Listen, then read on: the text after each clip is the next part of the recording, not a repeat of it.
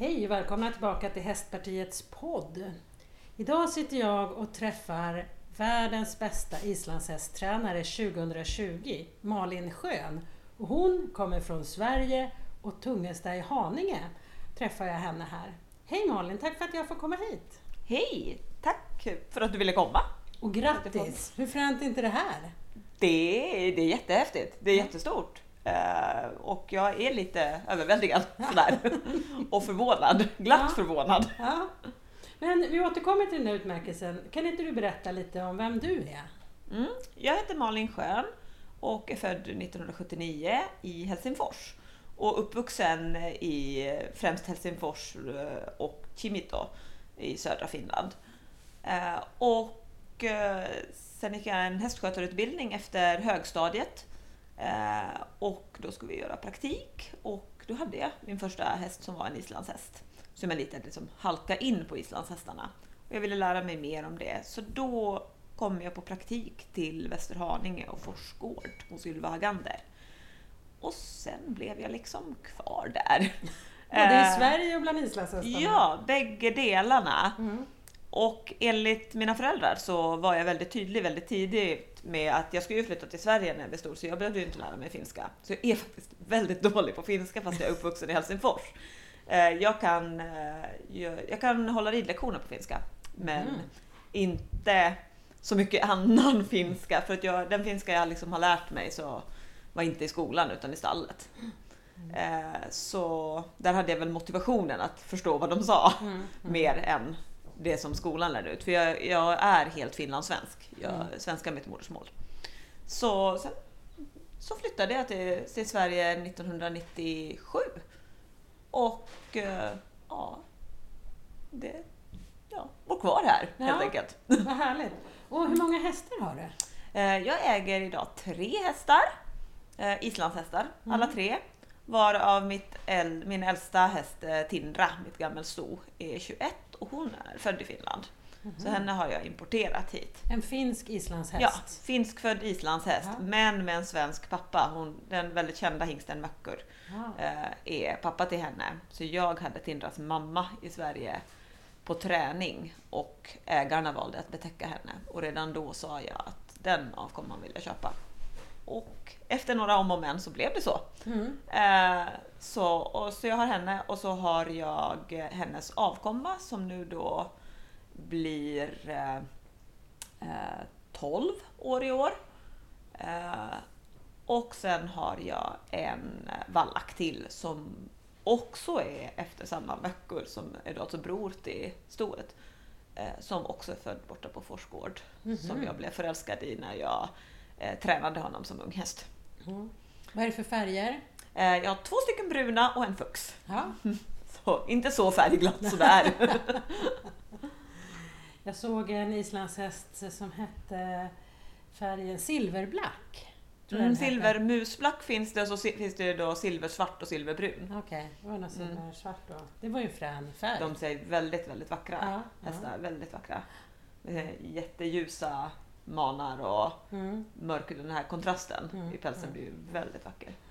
Men då har du ingen islandshäst som är eh, född på Island? Nej, jag har enbart eh, svenskfödd och en finskfödd då. Mm. Mm. Mm. Ja, vad härligt. Men du jobbar som eh, tränare Mm. och det gör du på heltid? Ja, Ja. precis. Både tränare som att jag tränar hästar och tränar människor till hästarna. Ja. så att säga. Så både tränare och instruktör Mm. Mm. eh, är främst. Eh, och eh, framför allt ser jag väl det mest själv som att jag hjälper hästar. Och ibland får hästarna problem med människor och behöver hjälp med det. Det kan man ju förstå att de kan få problem med. Ja, Alltså. ja, precis. Och sen är det ju många gånger vi som kanske anser att vi har problem med dem, men ibland behöver vi lite hjälp att ändra perspektivet. Mm. Eh, så, för att hästarna har ju liksom aldrig någonsin bett om allt det här som vi vill att de ska göra. Ja. Och så. Så, så jag jobbar väldigt mycket runt, runt det. Men Hjälper du bara islandshästar eller även alla typer av hästar? Eh, en häst är en häst är en häst oavsett eh, ras. Eh, och de fungerar i mångt och mycket väldigt, väldigt lika. Eh, så att eh, jag kan absolut hjälpa med alla raser men det har ju blivit väldigt mycket islandshästar i och med att eh, det är inom islandshäst som min instruktörsutbildning är. Och jag har jobbat med de hästarna ja, väldigt länge. Mm. Sen 97 har jag jobbat heltid med islandshäst. Så att då blir det ju, men jag har det senaste året, speciellt när jag har jobbat mer med positiv förstärkning som jag gör, då har jag jobbat mera med alla sorters hästar, alla raser. Eh, för det har handlat mycket om eh, hanteringsproblematik.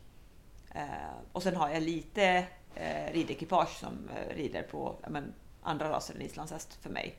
Mm. Men jag är alltid väldigt tydlig med att min utbildning är på islandshäst. Mm. Eh, sen har jag ju själv ridit eh, storhäst och ponny i, i många år innan jag började med islandshästar. Vad, finns det någon skillnad i din uppfattning på eh, de olika hästraserna? Om det är någon som är lite mer problematisk att förstå sig på än någon annan? Uh, ja, det är väl lite det att en häst är en häst, men jag tror att uh, många travhästar och storhästar, uh, eller andra raser än islandshästar så att säga, om vi ska klumpa ihop det, hamnar i situationer där de får det svårare. Många islandshästen är det ju så väldigt vanligt att vi håller dem i stora grupper, i stora flockar. Det är jättevanligt med lösdrift. De, många islandshästar lever ett väldigt ganska naturligt liv. Eh, medan det inte alltid är lika vanligt bland andra raser. Eh, även om det förekommer mer och mer. Lösdrift blir väldigt mycket, har blivit väldigt mycket vanligare. Eh, så jag tror att det finns kanske mer stressrelaterade beteendestörningar och eh, mera problem eh, bland eh, andra raser. Upplever jag nog. Ja. Intressant. Men du säger det här flera gånger, positiv förstärkning, att du jobbar med det. Mm. Hur menar du då? Vad innebär det? Ja, eh, jag har de senaste åren eh, börjat sätta mig in i mer och sedan börjat jobba med eh, hästar med positiv förstärkning. Och det innebär alltså eh, att man jobbar till exempel klickerträning, eh, utgår från positiv förstärkning eh, eller bygger på det. Så de det här, eh, det betyder att eh, när hästen gör någonting som jag vill att den ska göra någonting, ett önskvärt beteende eller en rörelse eller till och med mer att den accepterar någonting jag vet att den tycker är läskigt. Eh, så belönar man den med eh, mat, oftast med godis. Mm. Helt enkelt. Och då för att, som en jämförelse så är traditionell hästträning vanlig ridning utgår från negativ förstärkning. Alltså att jag sätter ett lätt tryck på hästen och när hästen utför det jag vill så tar jag bort trycket. Mm. Det som vi kallar tryck och släpp eller tryck och eftergift. Eh, och så. Medan positiv förstärkning då, andra sidan, är istället att när hästen utför någonting jag vill så använder jag en klicker som klickar till och då har jag lärt den att, hästen att det ljudet innebär att nu får du godis. Vilket blir en belöning för ett beteende. Tar det lång tid att öva in sådana där beteenden? Jag har sett på Facebook en film när du går liksom i takt med en häst, eller hästen går i takt med dig och gör liksom dina stora steg. Uh, ja, uh, att lära hästen att förstå klicken går jätte, jättefort. Mm. Det, det beror lite på hästens uh, psyke, om den är lätt stressad eller väldigt skygg eller om det är en väldigt nyfiken och på häst. Men de flesta hästar lär sig klicken på mellan en kvart och en halvtimme. Mm. Eh, och eh, sen är det ju ganska obegränsat vad vi kan använda den till.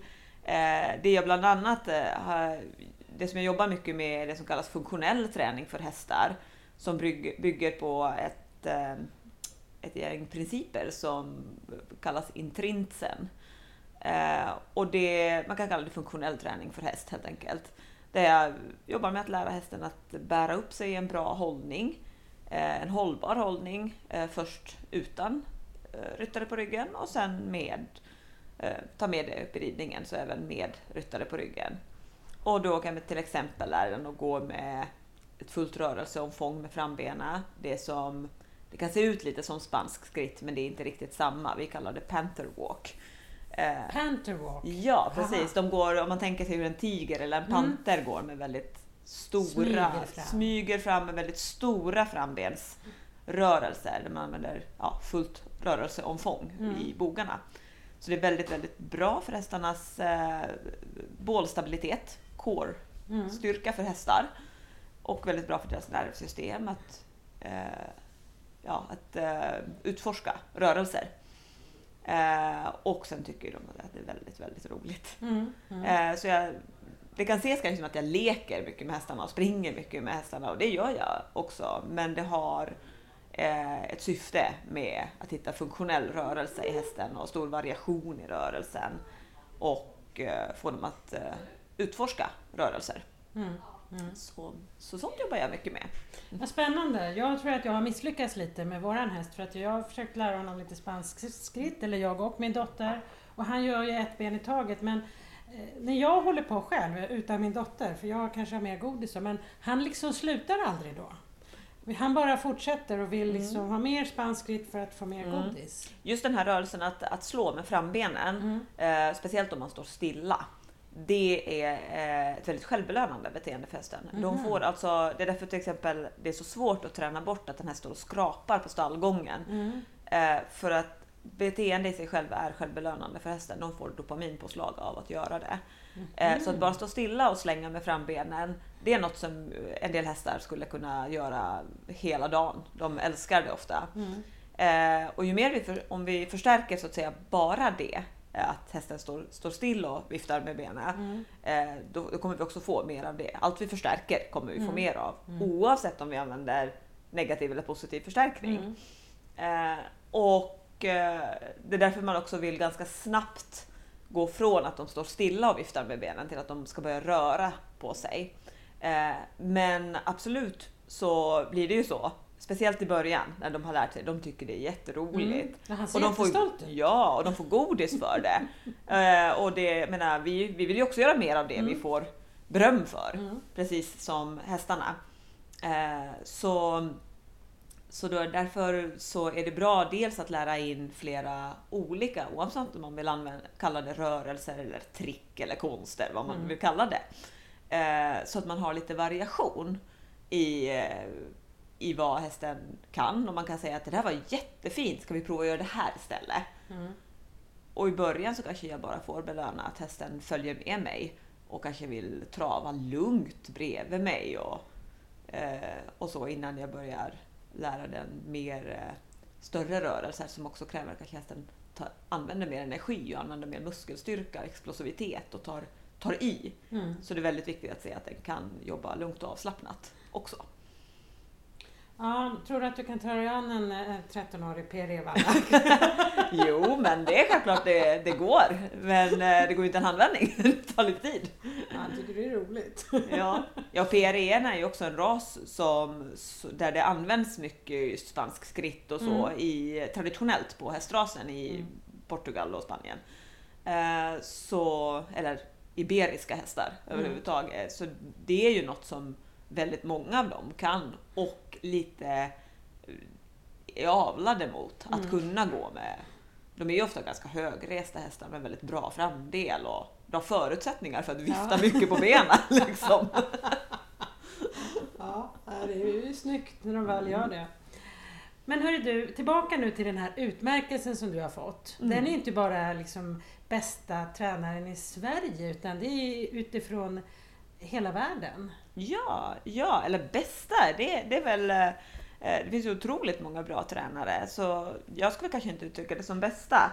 Men eh, framröstat till årets tränare eh, i värld, islandshästvärlden. Mm. Eh, och det är då det internationella islandshästförbundet som heter FIF, F-E-I-F. Eh, som eh, har fått ta- motta nomineringar från sina medlemsländer. Där Sverige nominerade mig. Och sedan var det en öppen omröstning på eh, FIFs hemsida. Som var öppen för precis alla som ville rösta. Mm. Eh, utan man behöver inte vara medlem i ett islandshästförbund eller så för det. Utan man skapade sig en inloggning eh, så man bara kunde rösta en gång per person. Mm. Och eh, sedan var det fritt för alla att rösta. Mm. Och den omröstningen vann jag. Det är ju hur fränt som helst. Det, är- det är jätte, jätteroligt. Ja, men vad innebär det då mer än ära och berömmelse? Eh, lite, ära, lite ära, mycket ära, li, Ja. lite, en småskalig berömmelse.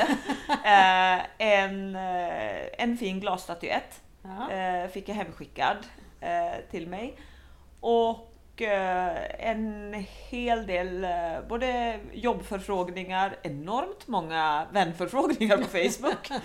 eh, och eh, väldigt mycket meddelanden. Många är, är nyfikna. Väldigt, väldigt mycket gratulationer som såklart är jätte, jätteroligt. Jag är ju superglad. Ja, ja.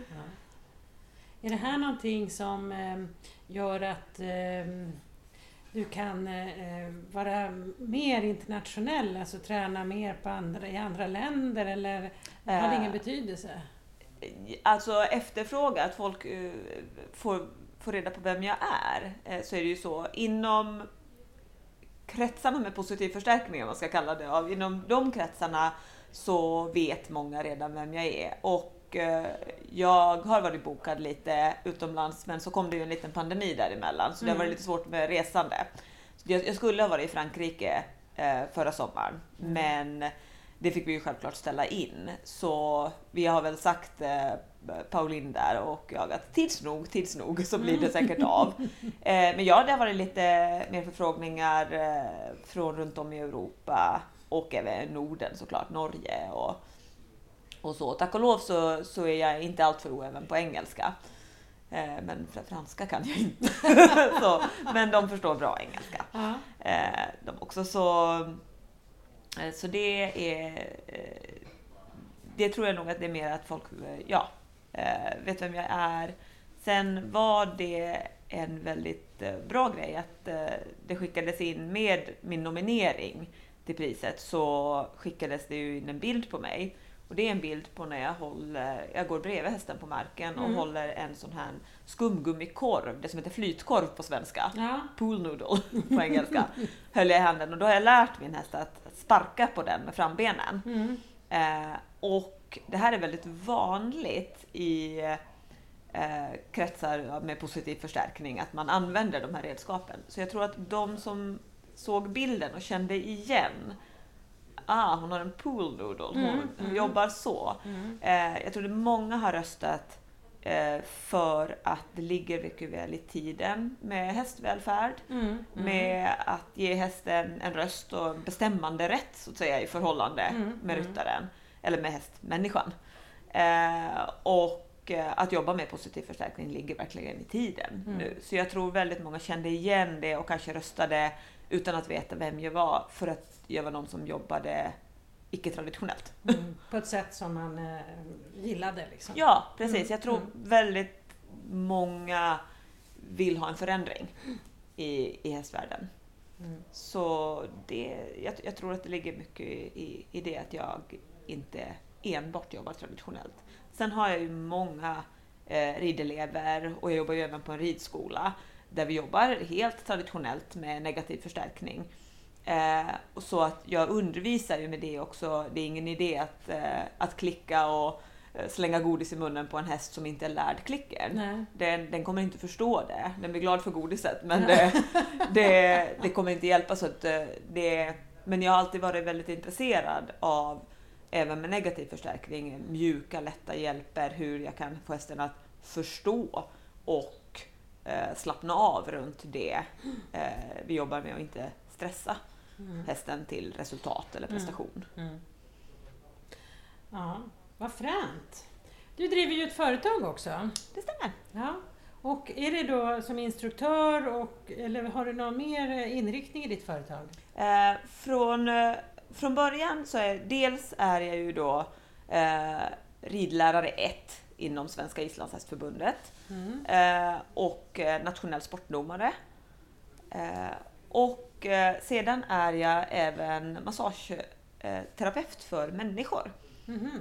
Och det gjorde jag en period när jag inte var riktigt hundra på att jag ville jobba heltid med häst. Så sa jag faktiskt upp mig från mitt heltidsjobb med häst. Då jag jobbade på Forsgård heltid. Och eh, sa upp mig och gick en utbildning till massageterapeut för att jag tänkte att det var bra att ha ett annat ben att stå på. Mm.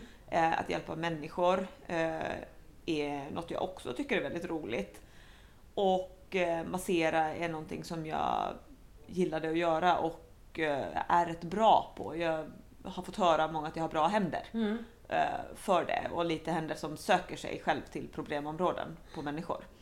Eh, och det är faktiskt bara nu, i, faktiskt också i och med pandemin, det var liksom en knuff i, i ändan att eh, göra det som jag tänkt några år nu, att faktiskt lägga ner massagedelen och jobba heltid med häst. Ja. Eh, dels så eh, såldes byggnaden min massagelokal låg i, så jag stod utan lokal och eh, med ganska få kunder eftersom jag aldrig har gjort speciellt mycket reklam för mig själv som massageterapeut. Mm. Utan det har ju varit något som jag mer har gjort för att det har varit roligt. Mm. Så då en period så gjorde jag eh, hembesök hos eh, kunder med eh, sån här hopfällbar bänk. Mm. Men det började ta väldigt mycket tid eh, och hästdelen utvecklades mer och mer.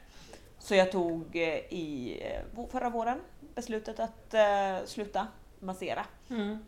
Eh, patienter och eh, jobba med hästar heltid. Så idag är mitt företag enbart häst, Mm. rel- hästrelaterat eller enbart, en, enbart hästinriktat. Ja. Ja. Är det lätt att driva företag tycker du?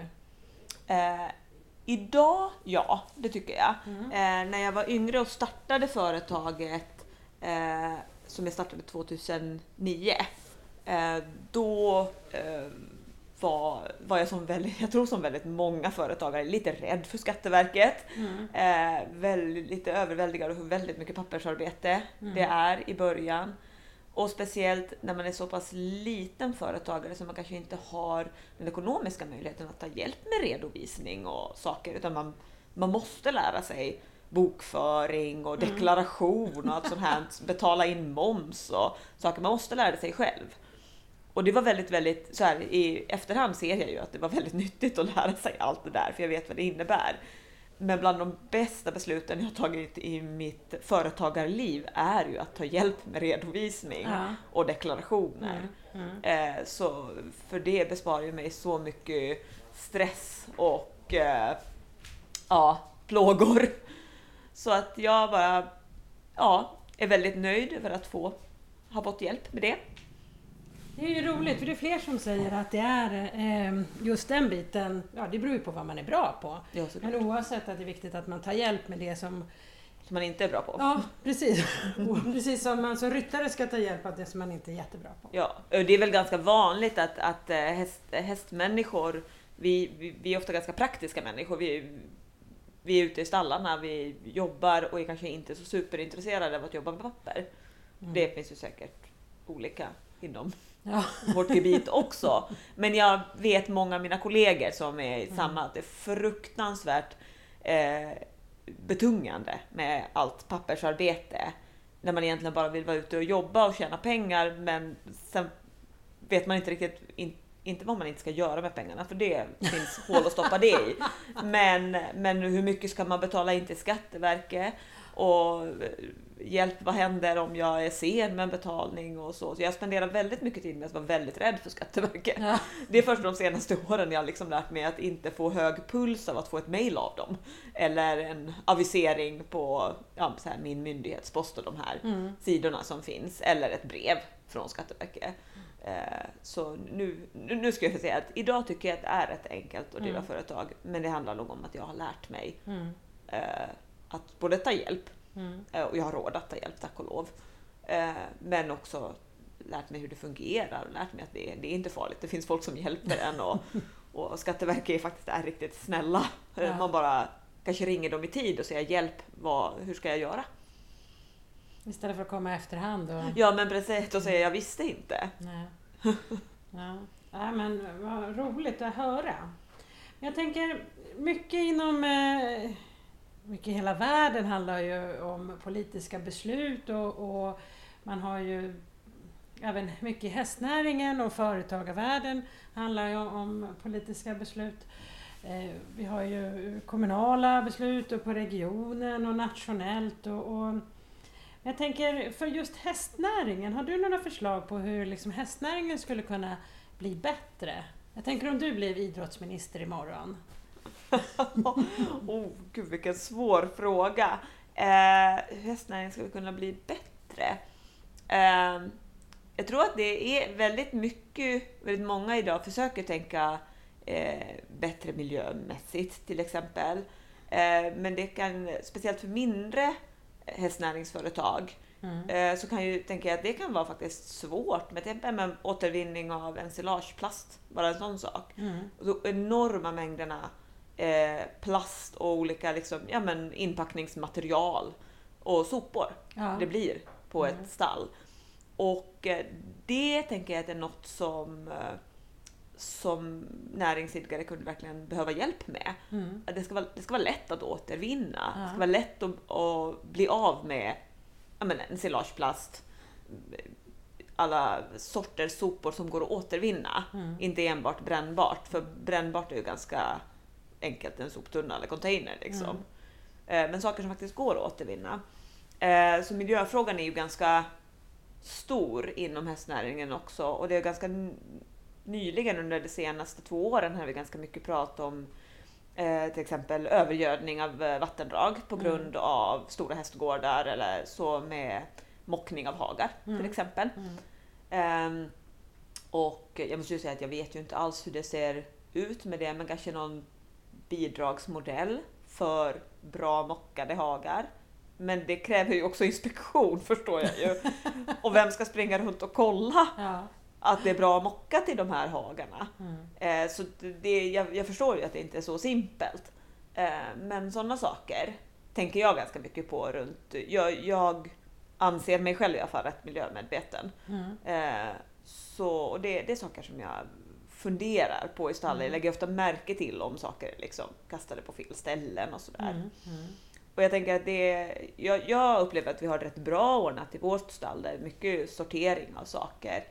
Eh, men jag tänker att på mindre gårdar än den jag står på eh, och kanske till och med små enskilda stallar kanske det inte är så himla lätt heller att, att bli av med silageplasten eh, och, och sådana saker. För ensilageplast är ju faktiskt det som finns på nästan varenda hästgård Mm.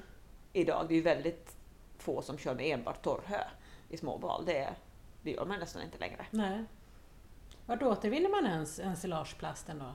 Eh, jag vet att det tidigare i alla fall har funnits företag som, som kommer och hämtar upp Ah, ja. eh, Mm. ensilageplast och sen att eh, större företag då så kan, kan köra det till, till SRV, Mm. till, till återvinning, Mm, till special liksom, container för det. Sen är ju även plast brännbart. Mm. Men det är ju ännu bättre om det kan återvinnas Mm. och användas igen och inte bara brännas upp.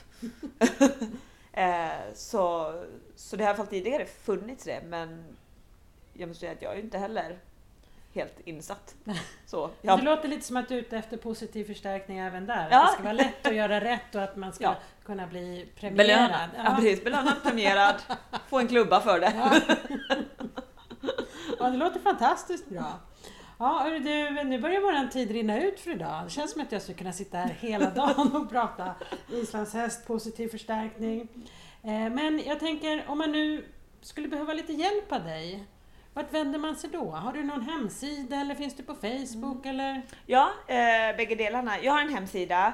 Eh, den är ganska inaktiv. Jag tror det till och med står faktiskt på den nu att den inte uppdateras. Där kan man eh, och där står det inte heller, vilket är lite dumt, så mycket om att jag jobbar med positiv förstärkning och så, utan där finns lite om man vill se hästar jag har tränat, läsa lite om mig och ja, se på fina bilder på islandshästar. eh, och så finns det såklart kontaktuppgifter på min hemsida. Eh, sen har Facebook-sidan är den som är aktiv Mm. som företagets sida. Och den är så simpel att den heter Malin Schön. Eh, och eh, ja, den heter tyvärr inte mitt företagsnamn. Mitt företag heter Malins islandshästar. Eh, men det är ju lite av ett lyxproblem med att har man för många eh, som gillar och följer en sida så kan man inte byta namn på sidan. Nej.